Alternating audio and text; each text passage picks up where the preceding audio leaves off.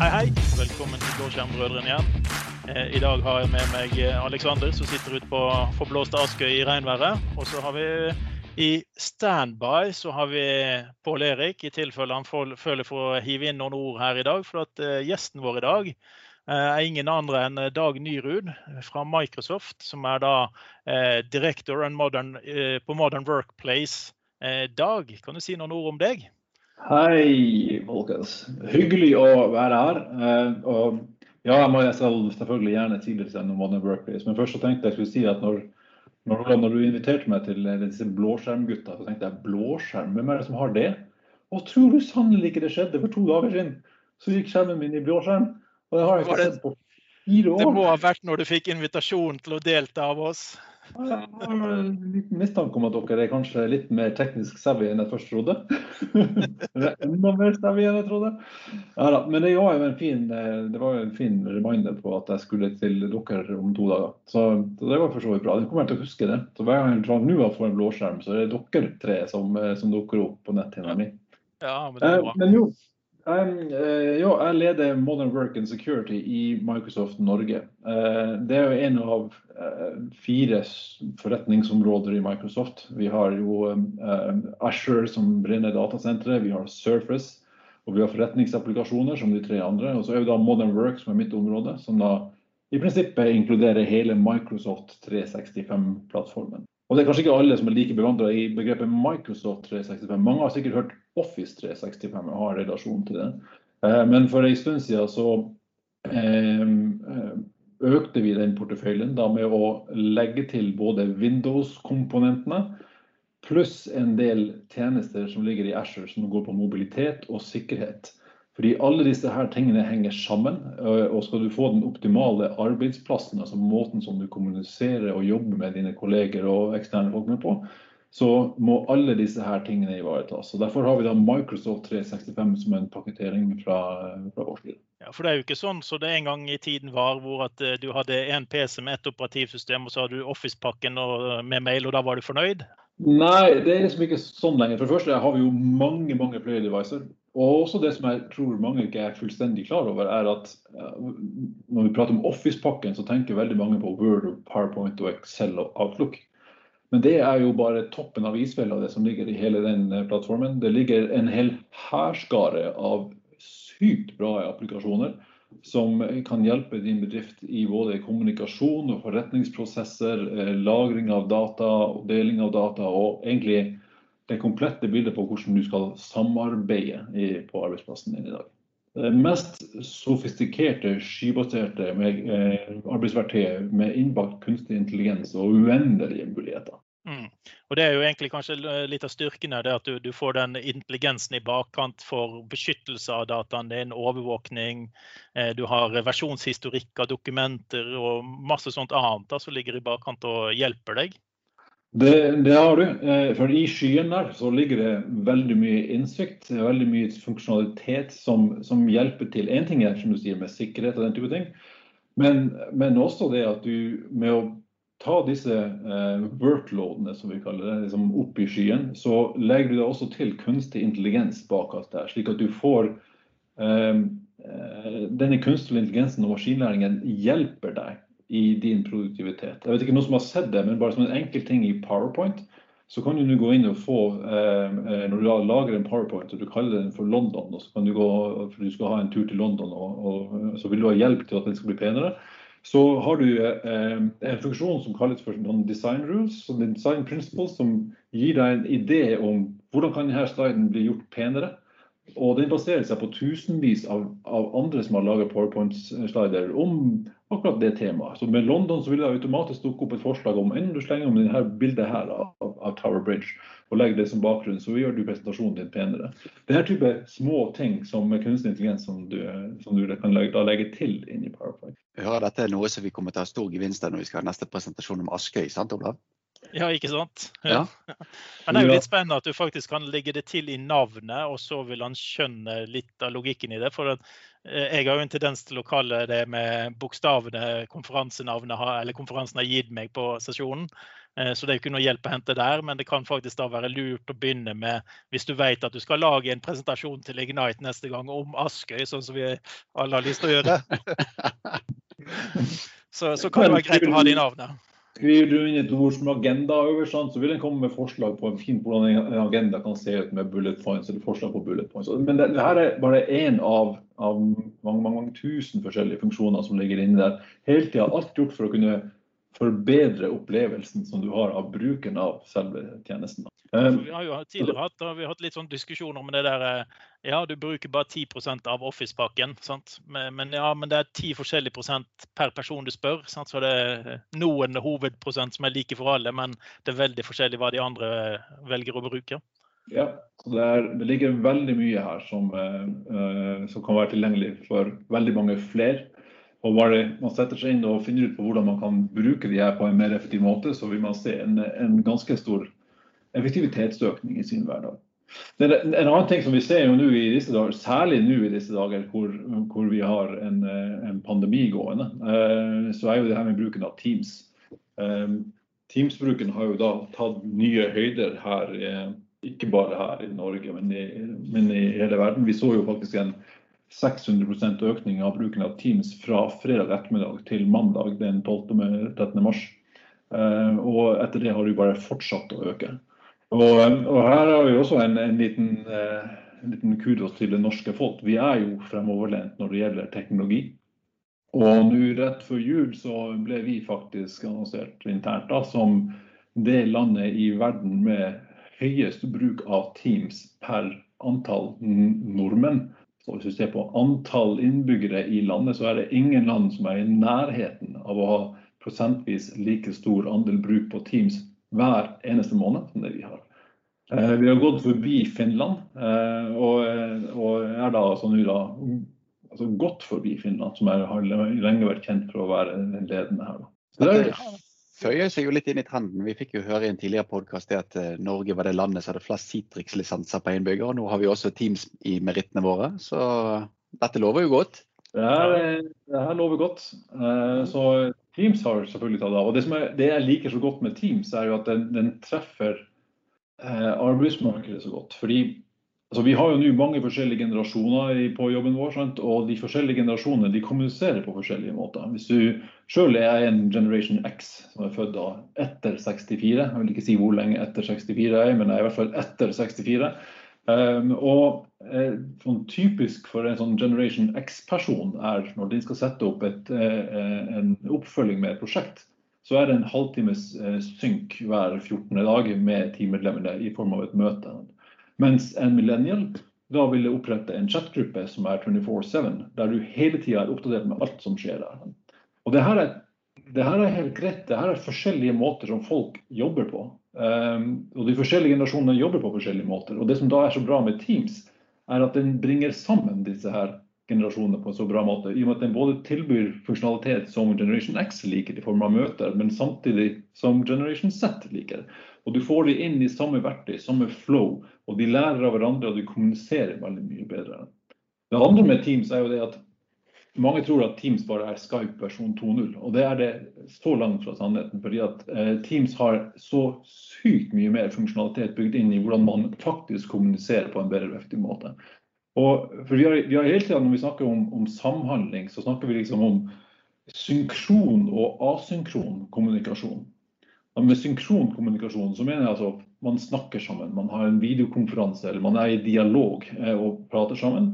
Mens den asynkrone delen er jo den mailen jeg skriver eller dokumentet jeg skriver som jeg deler som jeg en uke senere får feedback på. Så det her er liksom synkron og asynkron kommunikasjon. Og Teams er på en måte den første applikasjonen som har ett godt bein planta i begge de to verdenene, med at den har både realtidskommunikasjon bygd inn, samt at den har den asynkrone delen, slik at du lett finner frem til informasjon som tidligere er skrevet, som tidligere er lagra, og du kan dele det med teammedlemmene på en så effektiv Eh, der kommer du egentlig litt inn på det som eh, er et, et lite ankepunkt hos meg. For vi har Jan Erik på jobben. Eh, han er en svoren Teams-bruker.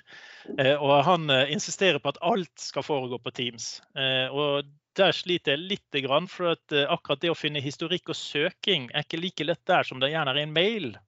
Sånn at Hvis jeg vet at det er noe som er veldig viktig og inneholder mye informasjon, så føler jeg at kanskje mail er en bedre plattform for å kunne finne fram til dette på en team. Så det, er noe jeg håper kanskje kan bli litt sterkere over tiden. Ja, og det, det er jo sånn at uh, i det øyeblikket man får en ny favorittapplikasjon, så, så vil man gjerne bruke den til alt. Uh, og Teams kan brukes til mye, men ikke nødvendigvis til alt. Uh, fordi du har Mail har fortsatt sin plass. Du vil ikke 100 erstatte mail med Teams. Det tror jeg ikke vil skje på lang, lang tid. Fordi du, fordi du har behov for den måte, litt mer formelle kommunikasjonen, særlig eksternt. Eh, for å ivareta og sørge for at informasjonen blir delt, og at du kan faktisk vise til at den ble delt på en bra måte. Da. Eh, når det gjelder søkefunksjonaliteten i Teams, så er jo Teams under kontinuerlig utvikling. og Den søkefunksjonaliteten du har nå, er ikke nødvendigvis den samme som den du har klokka fire i ettermiddag.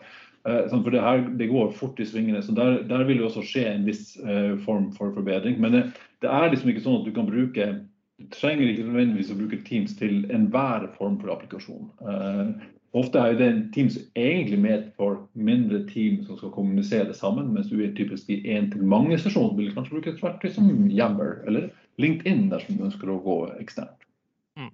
Eh, det hadde faktisk vært veldig gøy å få en statistikk i, i en litt større bedrift Eh, på hva skjedde etter at Teams kom inn. Hvor mange av disse eh, skal vi gå til lunsjmeldingene har forsvunnet fra innbokser. For jeg er ganske sikker på at innboksen min er mye tynnere etter at vi begynte å bruke Teams enn før.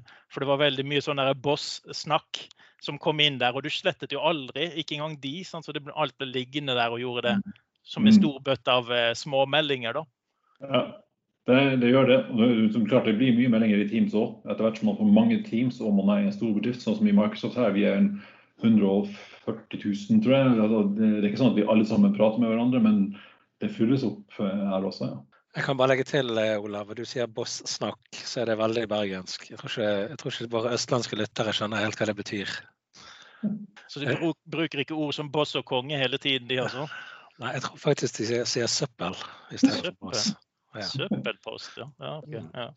Ikke, men uh, vi kan jo si at boss i, i mailsammenheng er ikke søppelpost, men boss. Sant? Det er nesten søppel, men, uh, men, det går ikke automatisk i søppelbøten. Så kanskje vi kan få et nytt begrep inn i Microsoft-mailen. Uh, Av en eller annen grunn tror jeg det kommer til å være en litt sånn oversettelsesissue fra engelsk til norsk.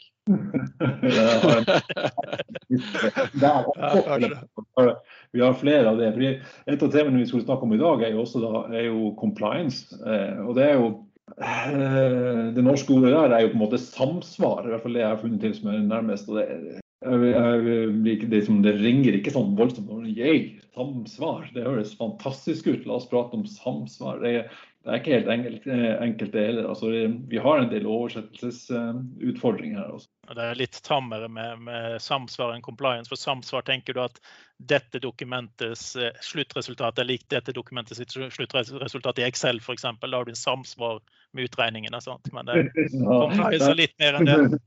Det er flere tolkninger der også. da. Men vi ser, når det gjelder compliance og samsvar, så ser vi at det er også eh, blir mer og mer interesse for det her. da. Eh, fordi vi kan også dra parallellen til, til det her med sikkerhet. Eh, for samsvar og compliance og sikkerhet de henger jo veldig tett sammen. Eh, men selv om de begge to skiller seg på veldig mange områder, så har de en del felles overlapp. Men når vi da ser på den reisen som veldig mange selskaper har vært gjennom de siste årene, med å ta og flytte mer og mer av sine tjenester over i skyen, så ser vi jo nå at eh, det her har hatt en signifikant markant eh, impact på, på, sikkerhet og sikkerhetsaspektet, og hvordan du tenker sikkerhet og hvordan du lager sikkerhetsstrategi. Men tidligere så var det veldig mye om å eh, bygge sikre soner. Eh, du var på jobben din inne på ditt intranett, og det er høye brannmurer som sikra deg. for å trygge, Der var du trygg fra alt det fæle som var ute på åpne internett. Så hadde du alle dine forretningsapplikasjoner liggende inne i kjelleren din, og de kommuniserte seg imellom ofte fullstendig ukryptert, forresten. Så hvis du først hadde kommet deg inn der, så var det jo fri vei inn til hva som helst. Um, Men nå da særlig akselerert av covid, hvor da plutselig hele eh, arbeidsstokken flytter hjem på hjemmekontor eller på kafeer eller hvor det måtte være ennå, så, så, ser vi det at det her har hatt en, en eh, at du må tenke på sikkerhet på en helt, helt annen måte enn du har gjort før. Ja, det, altså Der kan vi se ganske moderne eksempler. vil jeg si, og det er jo egentlig det at uh, De fleste bedrifter har sin compliance-oppsett på plass for uh, mailen sin, altså Exchange veldig ofte. da, at de har compliance-regelsettene sine satt opp, og de er veldig flinke der. Uh, og Der tror jeg kanskje mange nå har bommet når de flytter seg over til Team som en ny plattform. Så har de plutselig tatt mye av den informasjonen de før hadde kontroll over, på en, på en plattform som de ikke nødvendigvis har kontroll over hvis ikke de har gjort noe.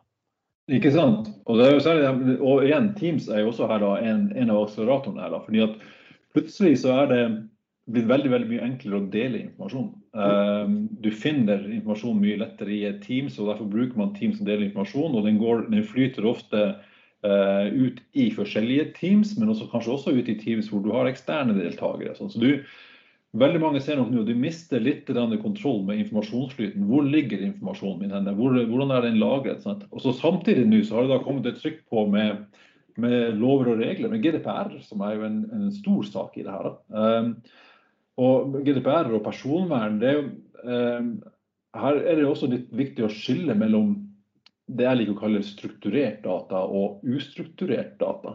For strukturert data er typisk eh, informasjon som ligger i forbindelse med f.eks. For en eller annen form for forretningsapplikasjon. Det kan være et regningssystem, det kan være lønnssystemet i bedriften. Der du har en applikasjon og så har du en database. Med, I den databasen så er det forskjellige felter med informasjon. og Der ligger navn og personnummer, bankkonto og alt av det her. Selvfølgelig GDPR informasjon. og du, eh, Når det gjelder dine egne ansatte, så har du regler for det, men du kan like gjerne ha en kundebase der som, som har den oversikten.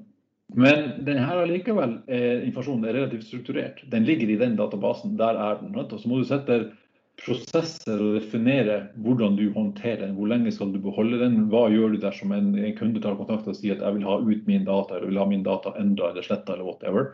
Men så må det defineres i form av en prosess.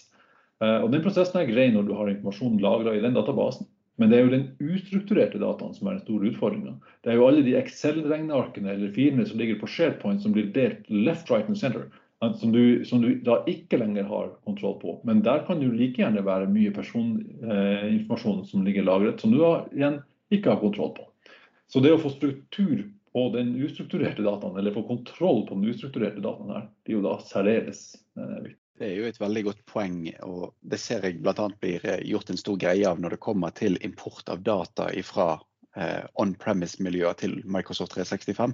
Så et av de store ankepunktene er jo da har du et governance-verktøy på dataene dine on-prem det får jo du med automatisk med å løfte det opp til Microsoft 365. Mm. Så typisk så må man jo gjerne ha applikasjoner som backup-verktøy som har disse søkefunksjonene og muligheten til å filtrere på personlig informasjon og sensitiv informasjon. Men mange bedrifter har gjerne ikke dette heller. Så det å løfte dataene dine fra en ustrukturert filserver til Office 365 eller Microsoft 365 gir jo deg en stor del av disse verktøyene. Ja, og For meg som er opptatt av informasjonsbeskyttelse, så har vi det som heter AIP-skanner som kan kjøre Du kan lage regler i Asher der han leter etter informasjon som du har spesifisert, på dine lokale filområder. På din lokale SharePoint osv. Da har du muligheten til å finne nettopp den type data som du gjerne ikke har den eh, oversikten over. De ustrukturerte dataene. Du kan kjøre en discover-modus hvis du vil. Eller du kan òg kjøre en regel som rett og slett klassifiserer dataene og setter eh, beskyttelse på dem hvis det inneholder eh, sensitiv informasjon. Så, så, vi har fått veldig gode verktøy der som kan hjelpe oss selv on premise. Eh, med de F-diskene våre og alle disse her områdene som vi har liggende på gamle filservere. Jeg, jeg tror også den eh, selve migreringsjobben, når du bestemmer deg for å flytte dataen til skyen, eh, er veldig ofte også en ryddejobb som gjør at du strukturerer litt mer. Altså, jeg og Alexander hadde et stort prosjekt der jeg husker ikke hvor mange terabyte som forsvant ut før vi flyttet over. Eh, og det var jo bare fordi det var gammel, urelevant data, og det var multiple kopier osv. Så, videre, og så, videre, og så, videre. så jeg tror den ryddejobben å få det opp eh, kan virke litt stor, men samtidig får du plutselig kontroll, og da kan du begynne å snakke om at du kan ha compliance på det når du har litt kontroll over det. Ja, og en, en, annen, ja, og en annet element i det her også er at i og med at compliance er så bredt, så har vi en tendens til å snakke om det her fra et teknologisk perspektiv enn på de reglene som vi hadde på vår mailserver tidligere. på den strukturen vi hadde der. Men eh, compliance og samsvar eh, er jo egentlig noe som ligger som eierskap i bedriftene på et uh, mye høyere nivå. Som ligger på uh, administrerende direktør på C-level, som vi kaller det. Chief executive et eller annet. Uh, eller kanskje til og med i styrene i selskapet. Og Her handler det jo veldig mye om risk management og information management. Og Man prater jo ofte om, om altså, document management og content management og record management som, som elementer som i, i, teknologien der som kanskje ikke alle sammen helt ser forskjellen på. Sånn altså, eh, document management er jo et system for å holde kontroll på alle dine dokument, de dokumentene som du til enhver tid jobber med. Content management går liksom utover det og tar med seg også mer ustrukturert data i form av filer eller altså videofiler, lydklipp eller eh, mange forskjellige eh, flash-animasjoner, den type ting. Eh, og så har du da records management, som er da arkivløsningen, dvs. Si de dokumentene som nå er ferdige, som er låst, som ikke skal kunne endres på den. Og Alt dette er informasjon som du trenger å gjøre tilgjengelig. Eh, du trenger å gjøre det tilgjengelig til eh, alle ansatte, fordi dette er jo et av bedriftens viktigste assets. Så det å gjøre den tilgjengelig, det at du kan stole på den, og at den er komplett, blir veldig, veldig viktig. Uh, og Samtidig så skal du, du skal redusere risken for, for, at du bryter enten interne regler, det kan være at bedriften har egne regler for hvordan informasjon skal. Uh, her kan jo selvfølgelig dataklassifisering hjelpe. Uh, men det skal også være i tråd med, med eksterne regelverk, som f.eks. GDPR. Og det er veldig mange bedrifter som har gjort signifikante investeringer i i sine on-prem-løsninger for, uh, for, record management og dokumentlagringssystem som de har i sine kjellere. Uh, og igjen her den samme uh, transformasjonen som skjedde på sikkerhet når du gikk fra on-prem til sky, ser vi nå skjer på compliance når du går fra on-prem til sky. Og det vil si at Du kan bruke veldig mye av den funksjonaliteten som ligger i Microsoft 365 til å erstatte alt det du har i on-prem-miljøet. Og Det er ikke billige saker, for det første. Eh, det er eh, veldig veldig dyre applikasjoner som er dyre i drift og dyre i innkjøp, som kan erstattes med funksjonalitet som allerede ligger i Microsoft 365. Og Vi har sett kunder som nå justerer at for å sikre deg at en ting er at du har kontroll over dataene dine, men du skal jo ønske at dette skal vedvare også. Så, så, opplæring av ansatte for hvordan de må selv tagge informasjon, lagre den på rett sted eller gjøre rette ting for at man skal vedlikeholde den compliance-strukturen som man har bygd opp til, den kan du egentlig nesten slå en strek over. Eh, fordi det her automatiseres. Du ligger igjen, du bruker den kunstige intelligensen, den AI-en og maskinløringen som ligger i skyen, til å automatisere denne prosessen. slik at du faktisk ikke trenger å tenke på det, men det skjer automatisk. Dokument som opprettes i et spesielt sted, blir automatisk klassifisert i henhold til den strukturen som er satt opp der, og regelsettet som, som følger den eh, klassifiseringen, følger av dokumentet uansett hvor det er. Det, det, vil jo da bety at hvis du får, eh, sånn som veldig mange har, de har jo eh, holdt på å si bokettersyn av eh, revisor når det gjelder dataen. Og det er ofte en ganske omfattende jobb. For da må de begynne å hente inn den informasjonen. Men hvis du allerede har den strukturert, lagd opp med klar til å hente ut rapportene på den dagen du vil kjøre det, så vil du komme ganske langt på vei.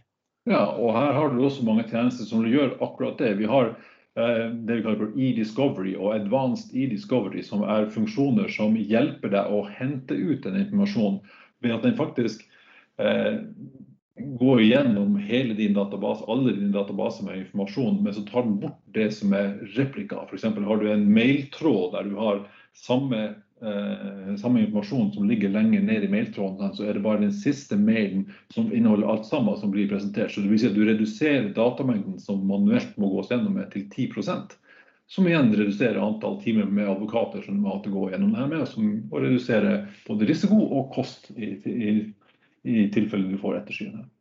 For Det er jo et veldig godt poeng som du sier der. og det er jo en liten ting man har fra databaseverden er jo det at ene tingen er at databaser og data skal være konsistent og, og, oppdatert. Men den viktigste tingen er at det skal bare finnes én versjon av den samlede informasjonen. Du skal ikke ha multiple versjoner av den. da.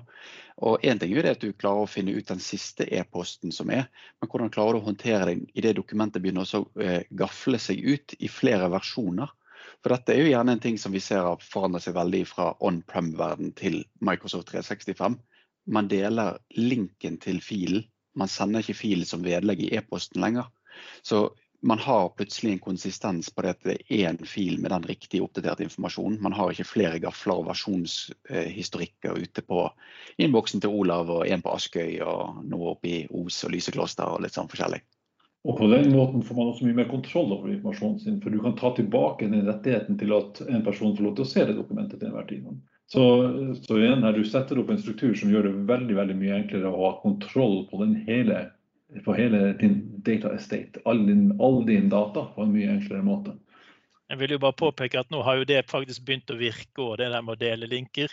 Eh, for jeg husker når det begynte å bli default når du skulle sende noe i Outlook, så sendte du en link hvor ingen i hele verden klarte å nå det som lå der allikevel. Eh, så nå har vi faktisk gått så langt fram at nå, nå når alle det med en Microsoft-konto uten noe problem. Eh, og du kan nå det veldig, eller i hvert fall relativt enkelt med en, med en eh, annen konto, sånn som Google eller flere andre leverandører. Så det, det har mm. faktisk begynt å bli eh, brukbart eh, å bruke det. Sant? Og det er jo ganske viktig, for den tankegangen med én kopi er veldig fornuftig. Eh, men samtidig, hvis ikke de andre kunne motta det, så ble det til at du la med et vedlegg i, i, i mailen din. Ikke sant. Ja, helt enig. Nei, så jeg, jeg, tror at innenfor uh, compliance her og, og, samsvar, det tror jeg vil det er den neste store bølgen som vi ser kommer til å, å, å treffe norske bedrifter. Og da norske bedrifter i form av eh, forretningsledere som nå kanskje etter hvert vil få øynene opp for å se på både eh, hva de kan vinne på med å få bedre kontroll over sin data eh, og redusere risiko, men også da med å spare penger på installasjonen de har gjort der. Og jeg tror mange norske IT-avdelinger vil begynne å se på hva må vi gjøre for å få bedre kontroll på den dataen og den strukturen som nå deles via Teams, via SharePoint, ut i Office 365 og Microsoft 365. Ja, og så kan jeg legge til det at jeg, jeg føler at mange kunder ikke helt vet hva lisensen inneholder. Alle mulighetene som faktisk finnes der når det kommer til sikkerhet og compliance og alt mulig. At, at folk gjerne kan satse bedre inn i hva de betaler for. Ja, det stemmer. Det er helt, helt sant. Og um, veldig mange som tror at de er sikre bare fordi de har kjøpt en sikkerhetspakke fra Microsoft. Uh, men du må nesten skru den på. Du må nesten definere den og si hva du skal ha sikkerhet opp. Må, det, det, holder ikke å, å, å bare ha lisensen der. Og vi har sett skremmende mange eksempler på eh, selskap som ikke har, har, skrudd på de rette tingene. Tofaktorautentisering. Eh, I disse dager burde det være altså, du burde vite det at her skal du ha i din bedrift. Det, det reduserer, reduserer, risikoen for angrep med 99,9 eh, Og det er ikke en, en, Veldig mange er redd for at dette skal skape en stor terskel for de ansatte. Det er ikke det. Det gjør ting bare enklere, faktisk med å bruke av en, en, en god autentiseringsmekanisme. og la ikke bare at du bruker Azure Active Directory, som er da Microsofts tjeneste på der, at du bare bruker den for å autentisere deg mot Microsofts applikasjoner, men du kan gjøre det mot en hærskare av tusenvis av applikasjoner, der du kan bruke samme autentiseringsmekanisme. Så blir du kvitt passordet. Kan du, kan du bli eh, bort med passordet? Det er det vi ønsker. Passordet er jo det verste du kan ha fra et sikkerhetsmessig perspektiv. Eh, det er jo sånn du får, får innbrudd. Eh, så med da ta i bruk en sterk autentiseringsmekanisme med tofaktorautentisering, så har du redusert risken signifikant for at akkurat du og ditt selskap som blir hacka. Vi, vi, har jo faktisk eh, veldig ofte prøvd å nevne til lytterne våre at de må være klar over at hvis de har en gammel tenant, så har ikke de nødvendigvis slått på de sikkerhetsfeaturene som er default i dag. For det blir flere ting som blir slått på. Sånn som MFA det er jo en default-ting nå. Sant? Det var ikke det før. Sant? Og du mm. hadde masse andre sikkerhetsmekanismer som nå er standard påslått, men som var avslått når de opprettet tenenten sin. Så de bør alltid gå inn og sjekke. Eh, Alexander, har du et godt råd på hvor de kan sjekke hvordan de ligger an? Ja, det blir, jo, eh, det blir jo rett og slett å bruke Secure Score.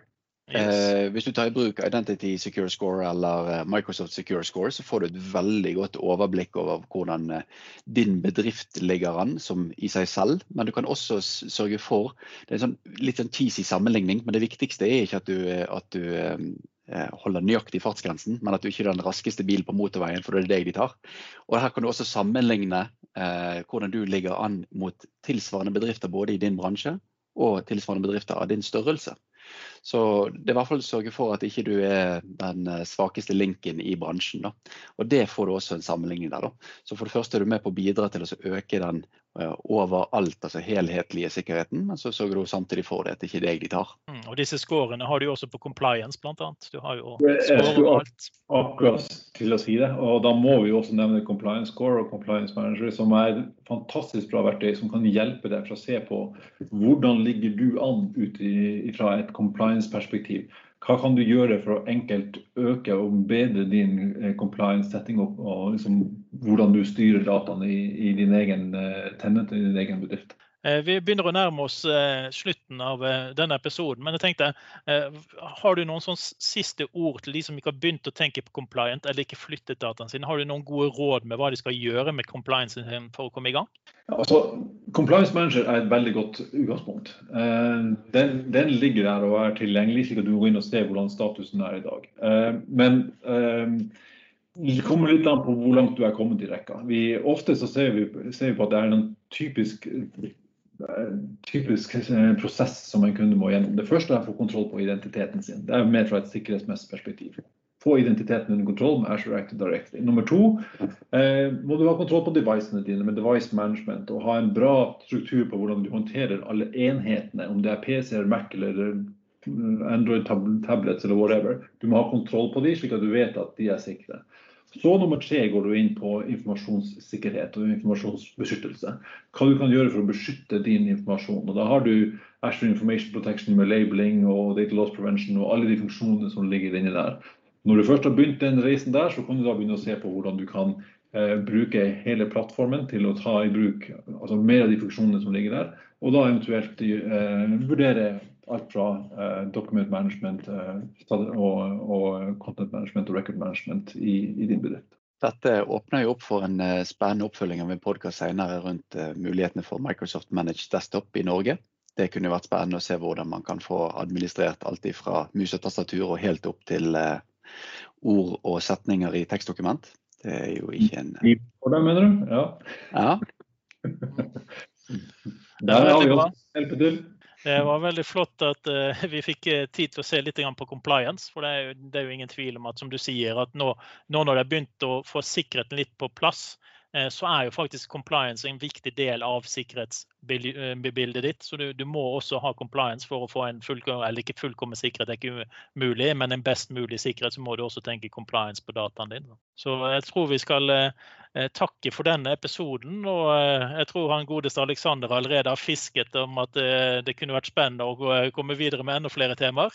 Det skal vi alltid eh, få tak i. Det har vært veldig hyggelig å være her også. Og jeg kommer også gjerne tilbake igjen med en anledning med nye temaer dersom det skulle være interesse. Ja, Ja, alltid må godt å ha folk å snakke med. ikke sant? Phishing-angrep, det der. Det var fisketur. Vi, vi, vi kan jo prøve å unngå den, eh, den bluescreenen neste gang eh, når vi sender ut en innkallelse til deg. Eh, Men jeg kan jo bare avslutte med den, den løsningen Microsoft fant på, på bluescreen når de skulle lage Windows Vista. De byttet farge, så da fikk de en red screen ofte istedenfor blue screen. Så de ble kvitt alle bluescreenene sine en kort stund. da. Så, men vi satser på at ikke de gjør det igjen, og at bluescreenene forsvinner bortsett fra i Brødrene. Og så snakkes vi seinere. Takk for i dag. Ha det bra.